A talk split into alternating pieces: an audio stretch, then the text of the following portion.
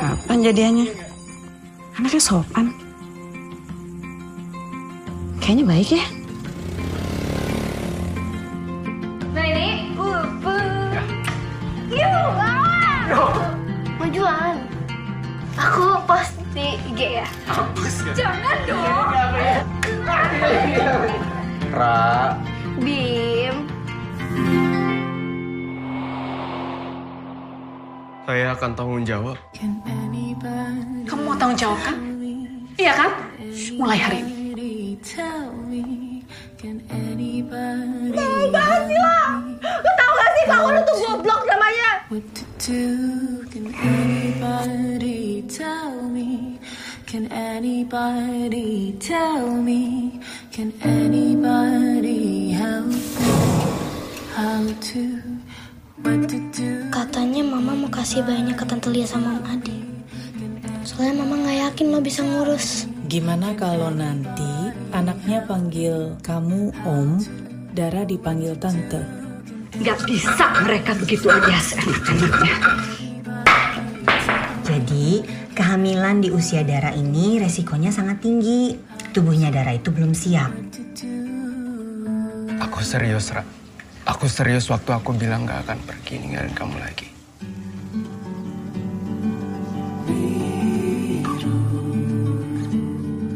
Dara kayaknya ragu. Coba kamu ngomong sama dia. Ini demi anak kamu juga.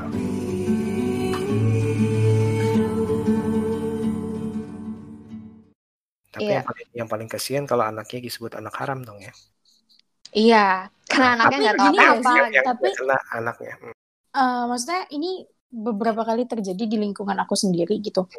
Yang benar kata Nasnin paling cuman sebatas nggak tahu ya maksudnya kalau di daerah lain, maksudnya di di Jakarta nih di tempatku beredar gitu kayak kayaknya nggak ada sih yang sampai dikatain anak haram depannya aja tuh nggak ada. Malah bahkan di depan si anak ini orang-orang ya ya gimana gitu ibu-ibu biasa kan depan orangnya ya biasa aja. Cuman mungkin pas si anak ini udah ke mana ya pasti diomongin lah pasti gitu.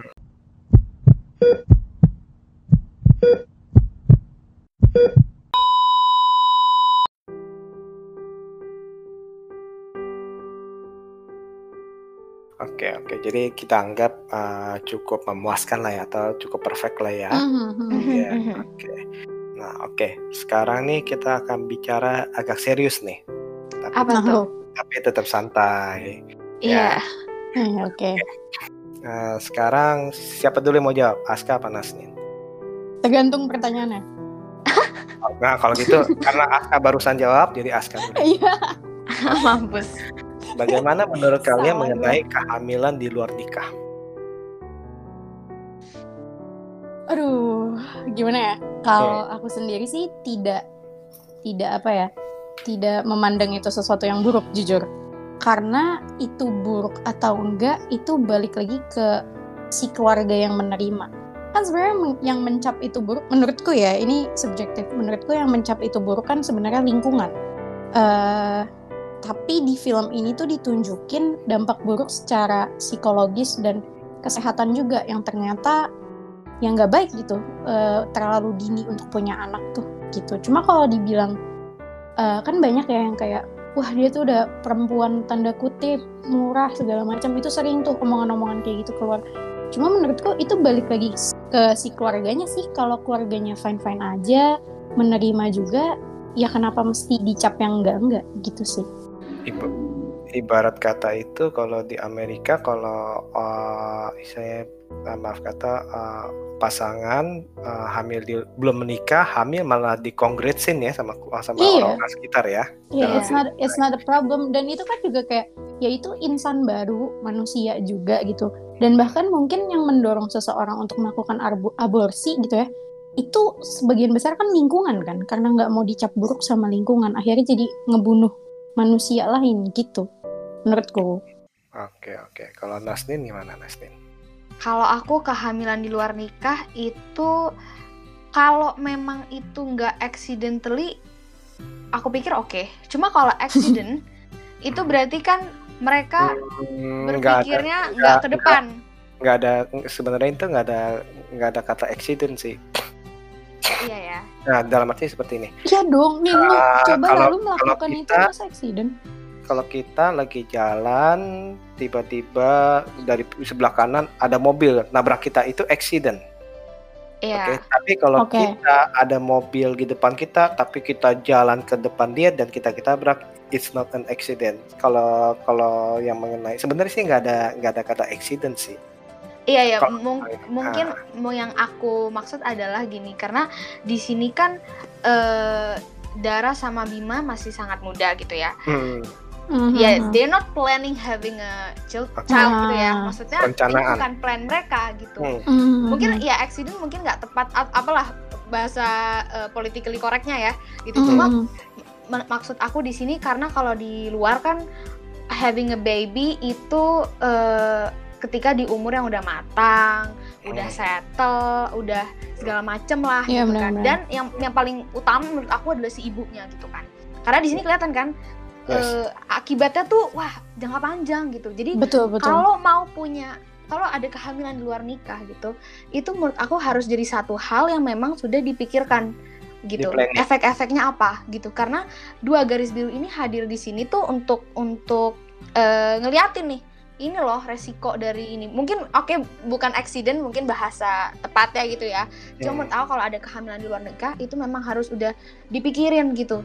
Eh em- emang udah siap atau belum gitu loh. Karena kalau di sini kelihatan banget nggak siap itu ya ibunya si Zaranya nih masih si Da- Dara nih masih muda banget, masih punya plan Kita- ini itu kan jadi screwed up begitu aja nih gitu kan. Betul, Ketika ada ini gitu kan. Jadi oke nikah dulu, oke kejar paket C, oke gini-gini. Itu itu yang menurut aku em, kehamilan luar nikah harus dipikir sejauh itu gitu loh. Dan akhirnya ini adalah salah satu bukti nih kalau misalkan sex education di Indonesia tuh nggak nggak belum maksimal gitu karena Betul. yang mungkin salah satu yang aku tadi eh, akhirnya notice ya yang aku kurang suka dari dua garis biru ada ketika eh, Rahel Amanda eh, kakaknya Bima itu dia eh, bilang makanya lo pakai kontrasep eh, lo pakai kondom gak sih? Kayak gitu kan. Itu Iya. dilontarkan kayak jokes gitu. Jadi kayak kita ketawa gitu. Padahal menurut aku ya itu pendekatan ada pemilih apa ada alasan sendiri lah dari Gina Esnurnya ya gitu. Cuma aku Hmm. kayaknya akan lebih suka kalau pendekatannya lebih kayak edukasi. Kayak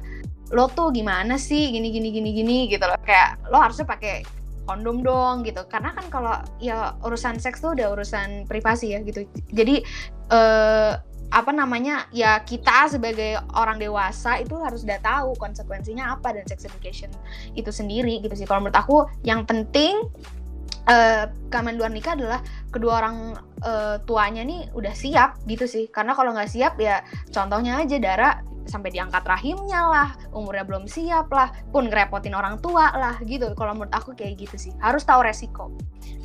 Diangkat rahim itu artinya nggak bisa punya anak lagi loh.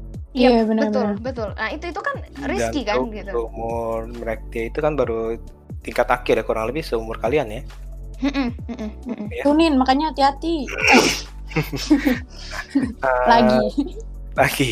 Nah, tadi itu eh, justru salah satu yang yang salah satu yang memorable juga yang tadi justru yang tadi Nasnin gak suka. Saya justru suka dalam arti pelontaran daripada sex education itu mengenai kondom itu dengan bercandaan.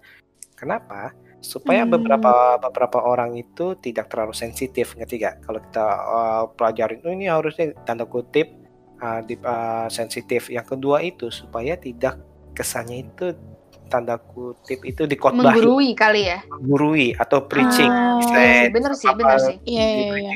kan bisa aja bisa aja oh, or- bisa aja orang tuanya nih isanya yang ngomong kamu ini harusnya gini gini kan kita nonton kan sepertinya kok ini kok di preaching banget sih gue udah tahu maaf kata uh, penonton pasti udah tahu pasti yang usia usianya pasti remaja siapa sih yang nggak tahu kondom uh, maaf kata ya Iya, kita iya. terbuka aja pasti mereka udah tahu uh, kondom Mhm. itu apa bener kan Mhm. jadi kalau justru kalau saya pribadi itu saya uh, cukup suka dengan pelontarannya itu dengan cara bercanda.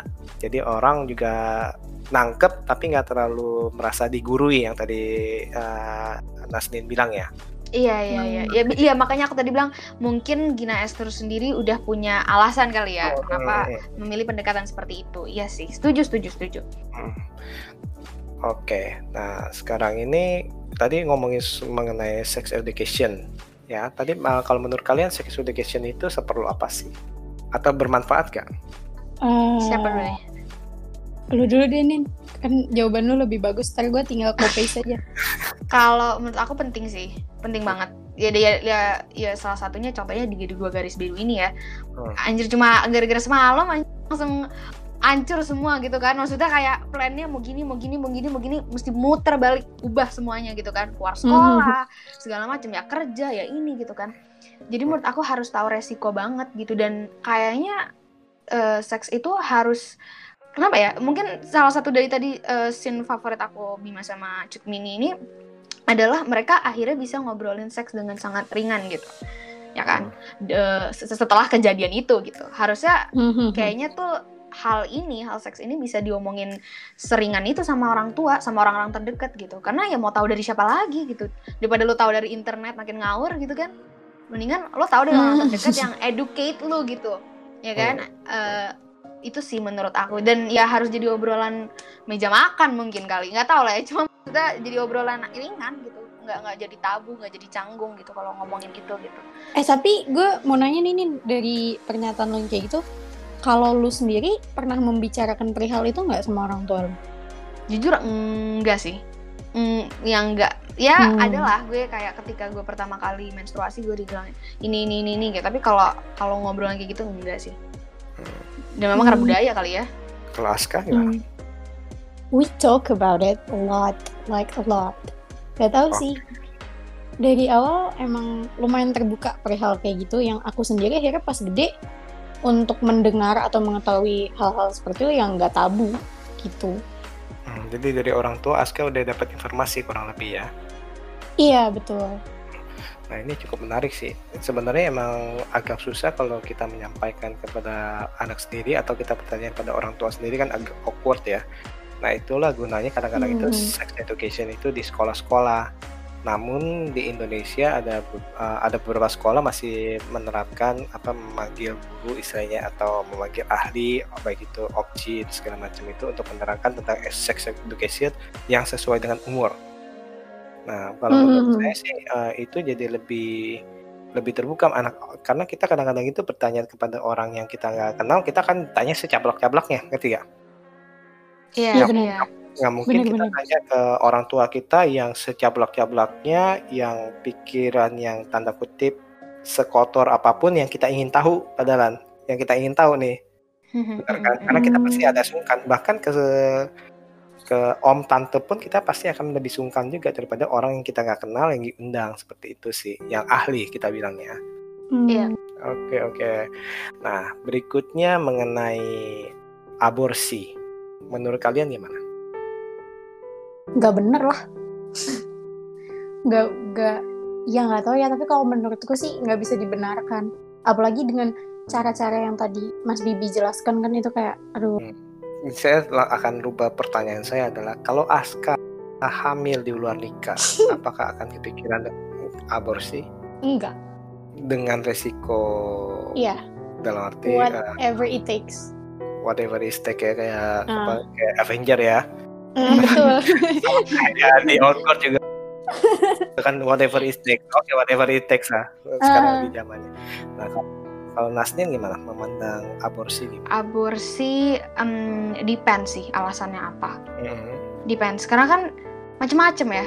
Macem-macem kayak ya ada yang resiko lah kalau Hmm. misalkan eh, kehamilan dilanjutin ada segala macem. Jadi depends alasannya sih nggak bisa di aku kalau aku ya kalau aku nggak bisa langsung yang nggak gitu ya. Karena aborsi juga ada yang memang untuk medis misalkan memang udah nggak bisa memang udah apalah gitu ya mungkin dari medis gitu. Tapi aborsi menurut aku depends sih dan tergantung ya individunya masing-masing kembali lagi ke alasannya tuh apa gitu karena macam-macam kan ya aborsi itu bukan Mhm. karena tadi misalkan eh, nanti salah lagi nih bukan kecelakaan ya cuma eh, yang Iya, iya, tidak kecelakaan. direncanakan gitu misalkan ya itu Mhm. bukan menurut aku aborsi nggak hanya selalu tentang kehamilan tidak direncanakan aja gitu cuma macam-macam gitu jadi pembahasannya juga ada luas gitu tergantung alasan si Oleh ibu sebab dan itu- bapaknya ya. Oleh sebab itu saya persempit kalau Nasnin hamil di luar nikah.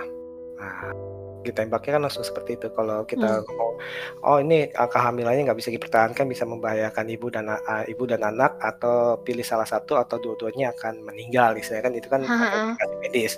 Nah kalau kita kita persempit bayinya sehat, tapi karena tanda kutip kecelakaan itu hamil karena tidak direncanakan.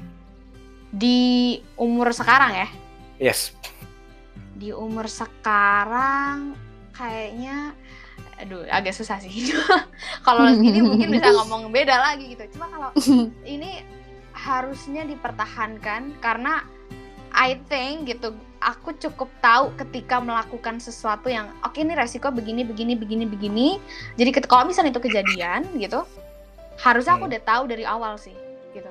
Jadi nggak akan ada harusnya nggak akan ada penyesalan sih menurut aku kalau edukasinya jelas ya maksudnya Mhm. oke ya udah ini kejadian ya udah gitu ya ya udah jalanin aja gitu nggak menurut aku harusnya nggak ada penyesalan kalau edukasi eh, itu oke gitu ya kalau menurut aku sih kayak gitu whatever it takes ya. Mm-mm. Mm-mm. Oke. Nah, terus yang berikutnya, bagaimana menurut kalian mengenai memberikan anak untuk diadopsi? Yang awalnya kan direncanakan untuk diberikan ke om tante, dan ini yang cukup fakta yang cukup lucu sih. Banyak kejadian Iya. kehamilan di luar nikah yang sekali istilahnya sekali berhubungan badan langsung hamil, tapi banyak, tidak sedikit juga pasangan-pasangan yang sudah sah, sudah mencoba berpuluh-puluh kali bayi tabung dan lain-lain ternyata masih nggak bisa punya anak sampai puluhan tahun. Nah sekarang ini kita bicara mengenai memberikan anak untuk diadopsi. Kalau kalian gimana? Menurut kalian? Coba dulu nih. film ini. Ah, paling enak sih Aska dulu supaya dia nggak supaya dia nggak nggak mengcopy paste. Nasdem dulu, Nasdem mau jawab nih. siapa aku Nasdem dulu aja. memberikan anak em, aduh gimana ya Seperti di film ini. ini Rancu nggak sih? Itu rancu bisa nggak sih? kayak Karena si- bisa kayak mutualisme sih mut- karena kan maksudnya mutualismenya si- dari mana nih?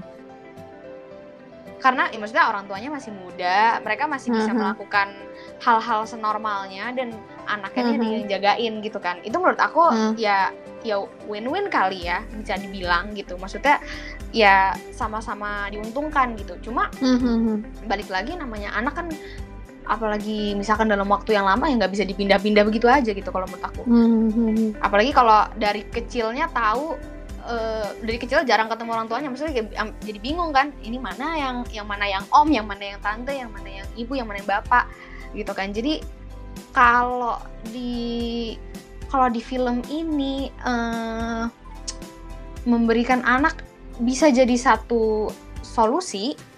Cuma ya kita tadi ter- balik lagi ke Dara sama Bimanya sih karena kan Dara sama Bimanya Iya juga benar. akhirnya menyadari gitu kan kayak anaknya tuh Prisia sebenarnya gitu ya ya Mhm. mereka nggak seharusnya kayak gitu atau gimana lah gitu. Maksudnya mereka merasa punya kepemilikan atau apalah I don't know gitu. Cuma itu kan gitu. Jadi menurut aku wah tergantung sih tergantung banget kalau untuk itu Kalau di film ini apalagi si Dara udah diangkat rahimnya. iya iya makanya Iya makanya. Itu. Terus yang berik, eh, yang berikutnya tuh eh, ikatan batin eh, mungkin di dalam arti kan yang salah satu yang diungkapkan oleh ibunya si Dara bahwa apa ya yang pas marah-marah yang gara-gara ya si Cut Mini bilang ini si Bima nih lagi belajar jadi seorang ayah sedangkan eh, si ibunya Dara harus ngoceh anak ibu nih baru Hmm. Baru mau belajar jadi ayah sedangkan anak saya sejak saat dia hamil dia udah jadi seorang ibu Mhm, Nah. Mhm. iya tekankan tuh sebenarnya itu selama 9 bulan itu udah ada ikatan batin bahkan sudah digambarkan oh ini gimana eh, cara maksudnya pas dendang-dendang gimana tuh ikatan batin eh, dari darah dengan bayinya itu diperlihatkan sebenarnya sih nah, nah Iya. kalau kalau Aska gimana Aska mengenai adopsi Aku nggak tahu sih harus kasih opini apa karena rancu ya kalau misalnya ngasih anak untuk adopsi itu kayak open up for adoption.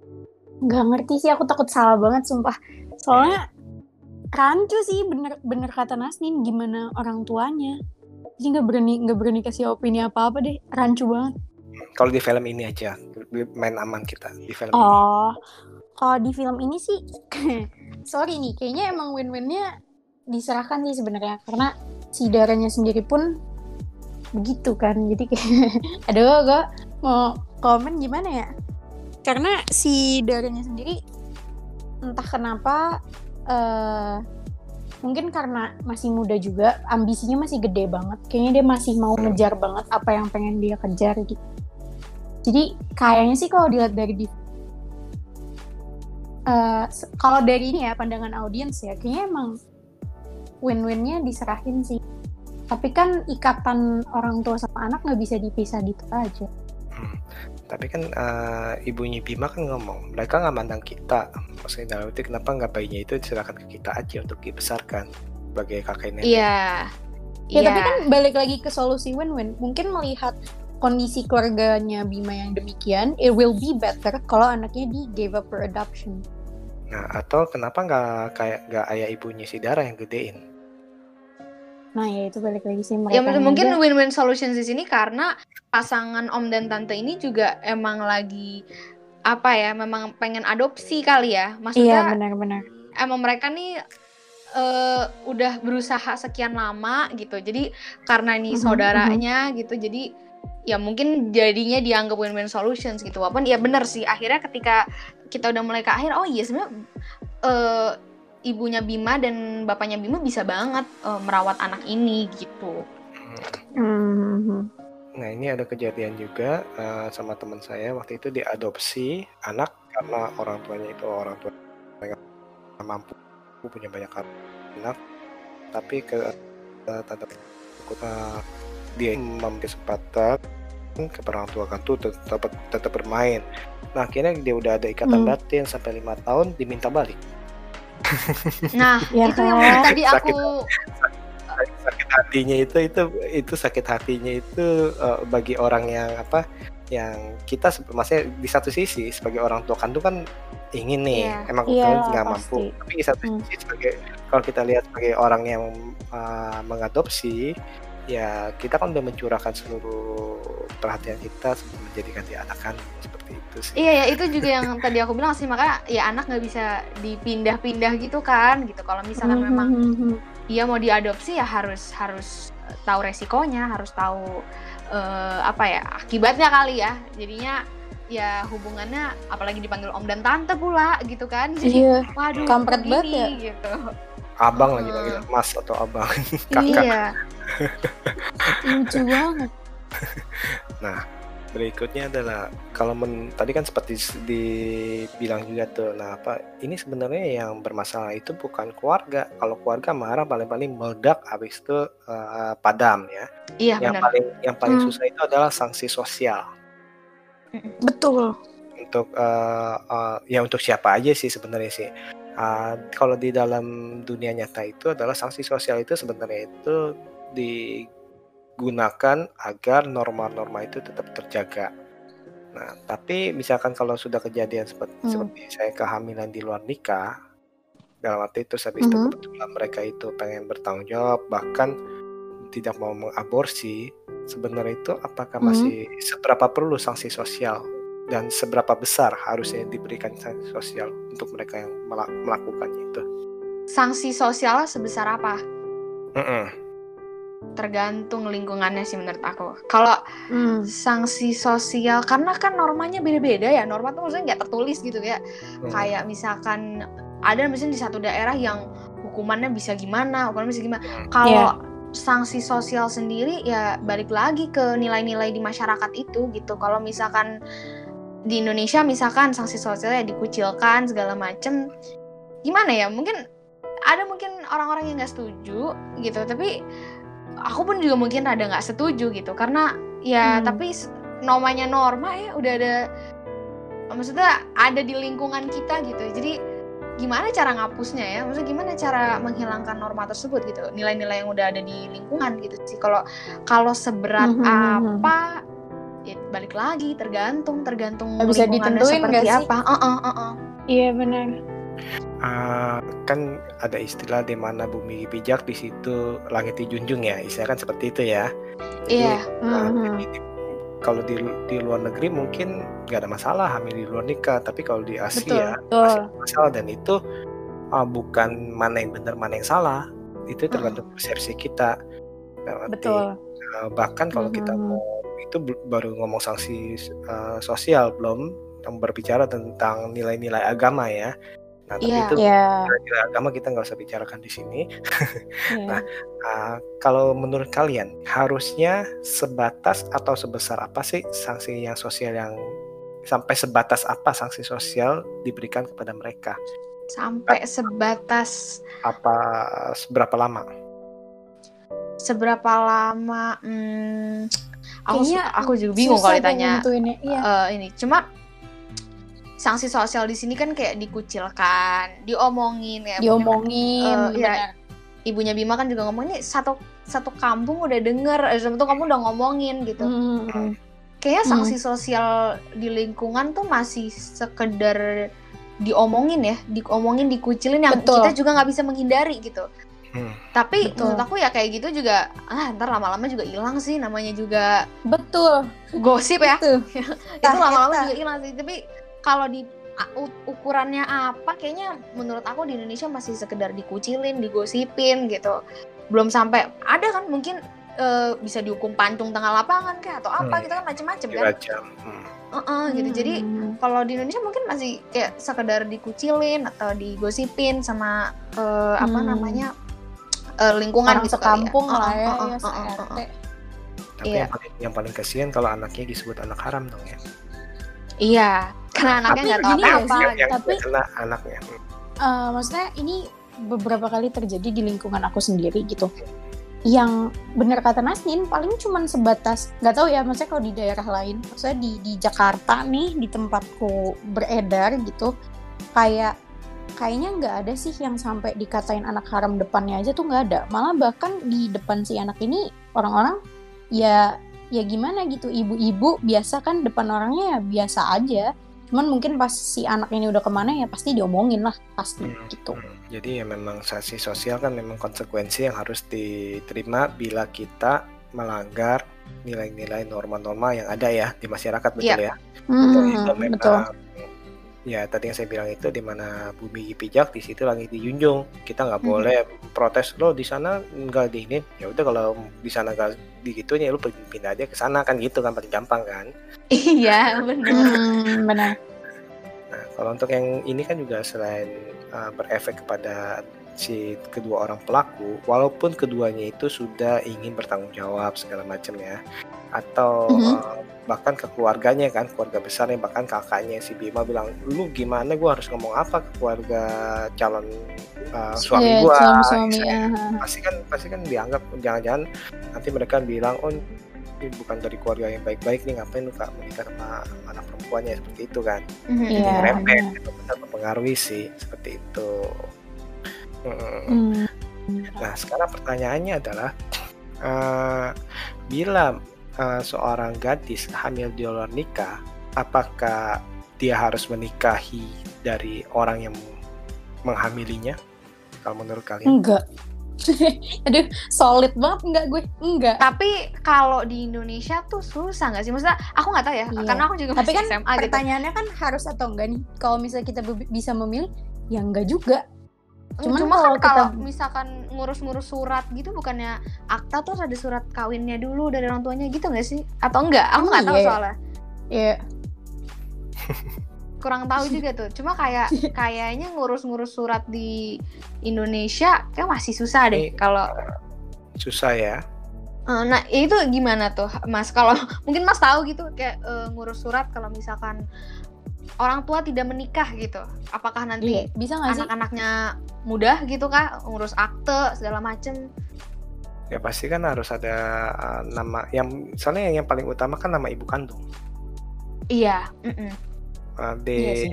di kamu daftar apa? Eh, maaf mau konfirmasi dahulu tanggal lahir, nama ibu kandungnya siapa? Bukan nama ayah kandung ya? iya Eh, berarti nggak masalah tuh ya kalau untuk Har- surat-surat. Harusnya nggak masalah, eh, harusnya nggak ada masalah. Nah, cuma Oh, tadi I see. sekolahan cuman nggak ada nggak ada nama ayah kandung seperti itu sih. Atau Nah. sebenarnya atau istilahnya kan eh, sebenarnya sih ada mungkin kan pas uh, akte kelahiran kan Iya. Cuman kan, uh, mungkin kan tidak ada nama ayah nah itu dia atau ada tapi istilahnya dia ada nama ayah tapi dia nggak menikah soalnya di satu sisi seperti ini misalkan kalau di uh, hamil itu dengan dalam arti suka sama suka dan istilahnya yang satu itu uh, orang yang baik-baik. Tapi kalau gimana kalau ternyata itu yang prianya itu nggak baik-baik? Apakah harus di Ah, ditanggap itu baik? Nah, itu misalnya dia dia, dia yang perlu diperkosa. dikonsider. Nah, dia diperkosa oleh tetangganya sampai hamil. Apakah perlu menikah dengan tetangganya tersebut Iya Udah sih. lah. Iya kan? Soalnya heeh. eh, kebanyakan kasus di Indonesia kejadiannya kayak gitu. Aku sampai pernah berantem sama guru PKN ku. Aku juga nggak ngerti ya. Maksudnya kan dia pendidik PKN gitu kan. Bisa-bisanya mengeluarkan statement kalau misalnya ada seorang perempuan diperkosa, seharusnya dinikahin aja sama yang merkosa. Udah gila kali, nggak kayak gitulah. Iya nah, ya. itu, nah itu dia dalam arti nah kalau misalkan kalau kalau diperkosa mah kita gampang tahu tapi misalkan kalau sebenarnya uh, diperkosa dengan orang yang nggak dikenal atau dalam arti diperkosa oleh pacar sendiri atas ketidak uh, paksaan tanda kutip ya Iya. Mhm. Nah, nah itu kan juga kan apakah wajib dinikahkan atau kalau wajib dinikahkan ada dua kemungkinan kemungkinan laki-laki menjadi tambah baik atau kemungkinan laki-laki menjadi tambah buruk karena menikah itu bukan bu- bukan belum tentu jadi solusi untuk mereka. Iya, Hmm, betul. Kak. Iya, benar benar benar. Nah ini hal yang menjadi masalah lanjut lagi nih. Jadi istilahnya bukan hanya sekedar hamil terus menikah pasti uh, happily after ya istilahnya gitulah. Mm, mm, mm. Tapi ada, Hmm. ada beberapa kenal, ada beberapa orang juga yang saya kenal juga memang hamil di luar nikah pas waktu sekolah SMA sekarang happy happy aja nanti anaknya Iya, gede, benar. dia menikah habis itu suaminya baik baik aja ya udah. Tapi kalau ditanya harus atau enggak kan nggak harus, Mas.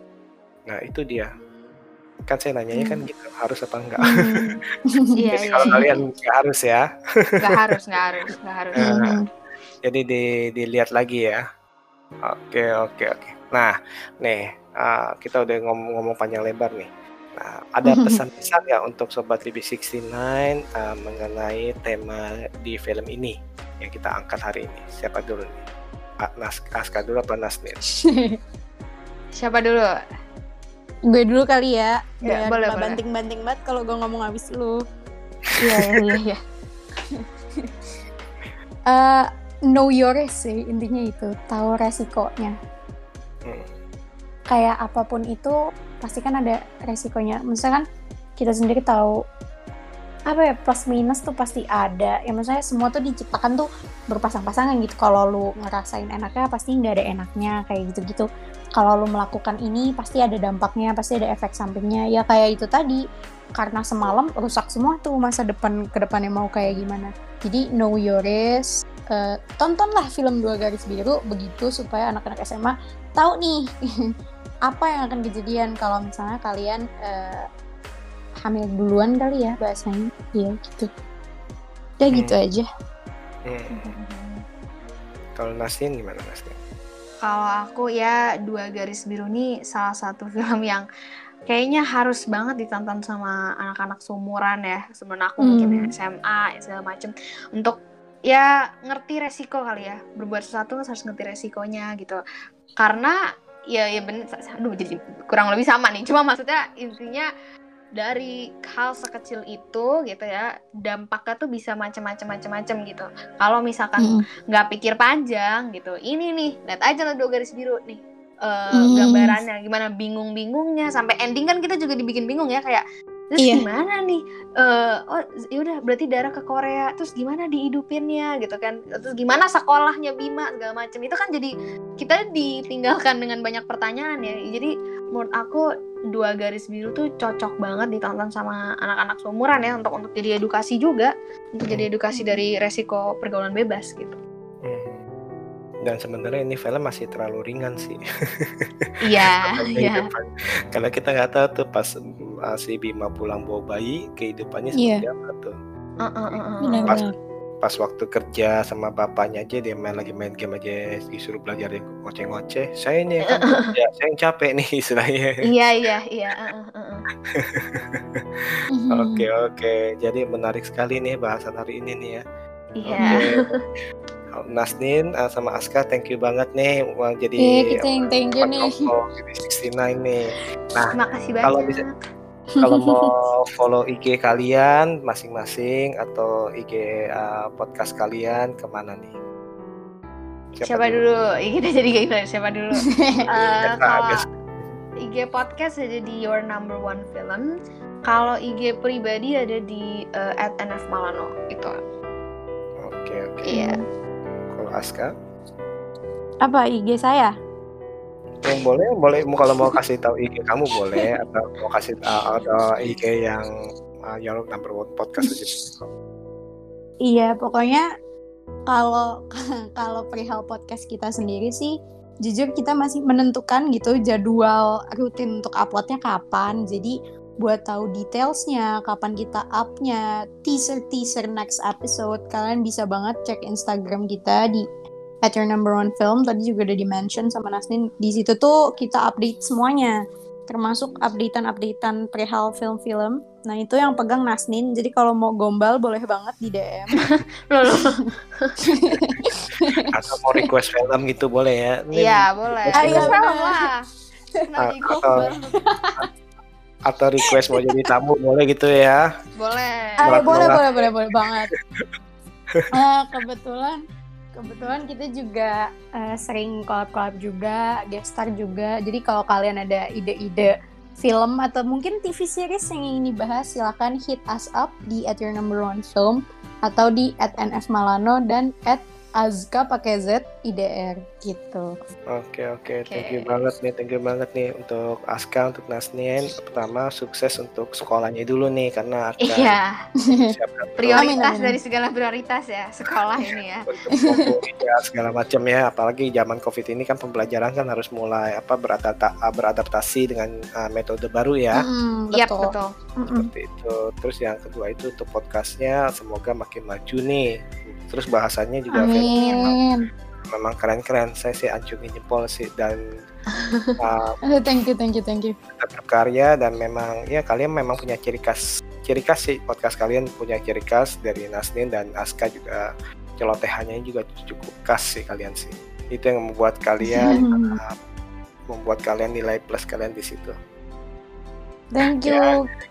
Oke sekali lagi terima kasih nih untuk kolabnya dan uh, nanti lain waktu kalau saya undang jangan sungkan-sungkan ya Iya, kita nih yang thank you banget sama Mas Bibi. Udah apa? Padahal kita jadwalnya mau collab mundur terus mundur terus karena kesibukan. ada Laga banget kita nih yang penting. oke oke Uh, kalau gitu. It was such an honor bisa jadi bintang tamu di uh, BB69 podcast. Jadi buat audiens BB69 juga jangan lupa cek Your Number One Film Podcast. Hmm, pastinya pastinya. Oke, kalau gitu nanti uh, untuk para sobat BB69 jangan lupa uh, ikuti episode-episode selanjutnya tentunya dengan tema-tema yang berbeda pula. Oke, see you. Tuh. See you. Thank you.